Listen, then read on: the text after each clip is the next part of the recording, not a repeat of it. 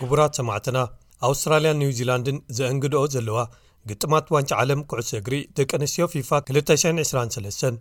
ግጥማት ፍርቂ ፍጻመ ሰሉስን ረቡዕን ድሕሪ ምክያዶም ናብ ፍጻመ ግጥም በጺሑ ፈለማ ሰሉስ ናብ ፍጻመ ንምሕላፍ ግጥመን ዘካየዳ ሽወደንን ስፐይንን ነይረን እታ ስፐይን ኣብ ተወሳኺ ሰዓታት ግጥም ርብዒ ፍጻሜ ሽቶ ብምምዝጋብ ክሓልፋ ዝሓገዘት ጓል 19 ዓመት መንእሰይ ሳልማ ፓራልዎሎ ሕጂ እውን ደጊማ ቅያ ብምስራሕ ንሃገራ ናብ ፈለማየን ዝኾነ ፍጻመ ግጥም ዋንጫ ዓለም ከም ዝበጽሓ ገይራ። ንሳ ነቲ ዒላማ ክወቅዕ ዘይከኣለን ዝሑልን ዝነበረ መጥቃዕቲ ስፐይን ግጥም ጀሚሩ ሓደ ሰዓት ቅድሚ ምግባሩ ተቐይራ ብምእታው ናህሪ ወሲኻትሉ። ኣብ መበል 81 ደቒቃ ሽቶ ብምምዝጋብ ንሃገራ ስፐይን መሪሕነት ኣረኪባ። ኣብ ታሪኽ ዋንጫ ዓለም ኣብዚ ዕድሚኣ ኣብ ግጥም ፍርቂ ፍጻሜ ሽቶ ዘመዝገበት ተጻዋቲት ብምዃን ከኣ ድሕሪ ፔለ ተሰሪዓ ኣላ። ተቐይራ ዝኣተወት ሽወደናዊት ረበካ ብሎምኪቪስት ኣብ መበል 88 ደቒቕ ማዕረ ትገብረን ሽቶ ምስ ኣመዝገበት ግን ግጥም ማዕረ ሓደ ብሓደ ኮይኑ ናብ ተወሳኺ ፍርቂ ሰዓት ዝኸይድ ይመስል ነይሩ። ቁሩብ ከይጸንሓ ግን ሓለቓ ጋንታ ስፐይን ኦልጋ ካርሞና ልዕሊ ሓላዊት ልዳት ሽወደን ሓሊፋ ብሓይሊ ምስ ሰኪዔት ዝተጸንበረት ሽቶ ብምምዝጋባ ስፐይን ተዓወትቲ ኮይነን ናብ ፍጻመ ግጥም ሓሊፈን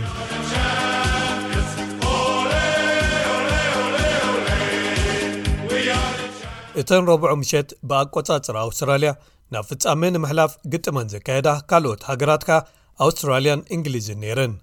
ኣውስትራልያውያን ሓለቓ ጋንታ ኮኸብ ኣጥቃዒት ሳምከር ካብ ፈለምኡ ክትስለፍ ምዃና ዓብዪ ዜና ኰይኑ ታሕጓስ እንተ ፈጠረለን'ኳ፣ እታ ክሳብ ሕጂ ከም መንደቕ ኰይና ዝጸንሐት ተኸላኻሊት ኣላና ኬነዲ፣ ሓሚማ ከም ዘይትስለፍ ምስ ተገልጸ ግን ሻቕሎት ዝፈጠረ ነይሩ። ብዙሓት ፍሉጣት ሰባትን ደገፍትን ከብዶም ሸቐልቀል እናበሎም ግጥም ክጅመር ትጽቢት ገይሮም። ሓለቓ ጋንታ ሶከሩስ ወይ ሃገራዊት ጋንታ ደቂ ተባዕትዮ ኣውስትራልያ ዝነበረ ቲም ካሂል፣ ንማቲልዳስ ሞራል ክህብ ብምባል ክልተ ንሱ ሽቶ እናመዝገበ ዘርእያ ቪድዮታት ኣጆኽን ምስ ዝብል መልእኽቲ ዘርጊሑ። እንተዀነ ግን ብዙሓት እዚ ብዛዕባ'ተን ደቂ ኣንስትዮ ደኣ እምበር ብዛዕባኻ ኣይኰነን ክብሉ ነቒፎሞ። ከመይ ኢልካ ነዚ ህሞት ኣብ ክንዲ ብዛዕበእን ብዛዕባኻ ክኸውን ገይርካዮ ዝብሉ ኸኣ ብመልክዕ ሕቶ ኣቐሚጦም ዘሊፎሞ። ብኻልእ ወገን እቲ እንተተዓዊተን ወይ ኣብ ፍጻመ ግጥም እንተበጺሐን ሃገራዊ በዓል ወይ መዓልቲ ክእወጅ ተበግሶታት ክወስድ እየ ክብል ዝቐነየ ቀዳማይ ሚኒስተር ኣውስትራልያ ኣንቶኒ ኣልባኒዚ መራሒ ተቓዋሚ ሰልፊ ስለ ዝተቓውሞን ዝበዝሑ መራሕቲ ግዛኣታት ከኣ ስቕ ስለ ዝበሉን ወይ ከም ዝድግፍዎ ስለ ዘይገለጹን ቃሉ ክዓጽፍ ወይ ሓሳቡ ክቕይር ክኢሉ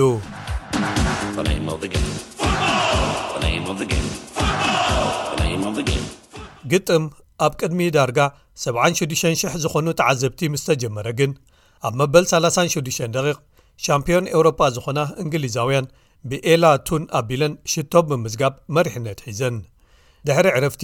ኣብ መበል ስሳን ሰለስተን ደቒቕ፣ ባዕላ ኩዕሶ ብናህሪ እናኾብኮበት ብምኻድ ኮኾብ ኣጥቃዒት ኣውስትራልያ ሳም ከር ተኣምራታዊት ዝኾነት ሽቶ ኣመዝጊባ ግጥም ማዕረ ክኸውን ገይራቶ። እዚ ቅያ ሳም ከር ግን ንኸንቱ በኺኑ። ድሕሪ ሸሞንተ ደቒቕ ይኸውን እንግሊዛውያን ካብ ጌጋ ተኸላኸልቲ ኣውስትራልያ ዝረኸብኣ ኩዕሶ ብሎረን ሃምፕ ኣቢለን ሽቶ ኣመዝጊበን ደጊመን መሪሕነት ሒዘን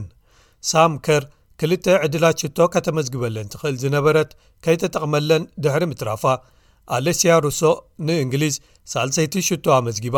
ዓወተን ርጉፅ ገይራቶን ናብቲ ናብ ሰንበት ፍፃሜ ግጥም ኣንፃር ስፐይን ክሓልፋን ገይራ ናብ ፍጻሜ ግጥም ንምብጻሕ ዝነበረ ሕልሚ ማቲልዳስ እምበኣር ኣብቲ ኣብ ስታድየም ኣውስትራልያ ዝተኻየደ ግጥም ሰለስተ ብሓደ ተሳዒረን ኣብቂዑ ኣሎ ቀዳማይ ሚኒስተር ዓባይ ብሪጣንያ ሪሺ ሱናክ እተን እንግሊዛውያን ደቂ ሃገሩ ኣብ ክሪኬት ዘጋጠሞም ስዕረት ሕነ ክፈድያ ዝሓተቶ ከኣ ክውን ኮይኑ ኣሎ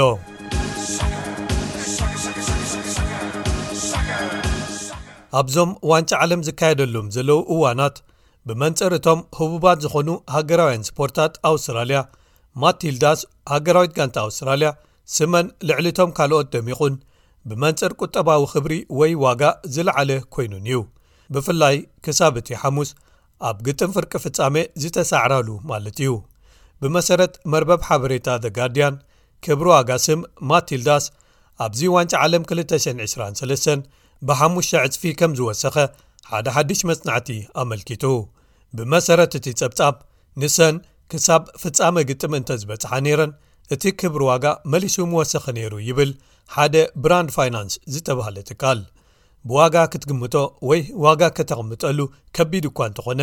እቲ ቅድሚ ዋንጫ ዓለም 40 ሚልዮን ዶላር ኣውስትራልያ ጥራይ ዝነበረ ዋጋ ወይ ክብሪ ናይዚ ሃገራዊት ጋንታ ክሳብ 210 ሚልዮን ዶላር ናይ ኣውስትራልያ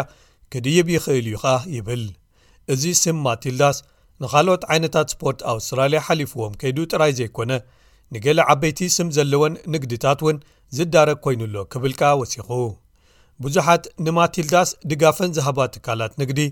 ብዙሓት መኽሰባት ረኺበናሉ ወይ መኽሰባተን ወሲኹለን እዩ እቲ ብዓወት ኣብ ልዕሊ ፈረንሳ ናህሪ ዝረኸበ ጉዕዞ ማቲልዳስ ተወሲኽዎ። እቲ ንግዳዊ ስም ማቲልዳስ ወይ ክብሪ ዋጋ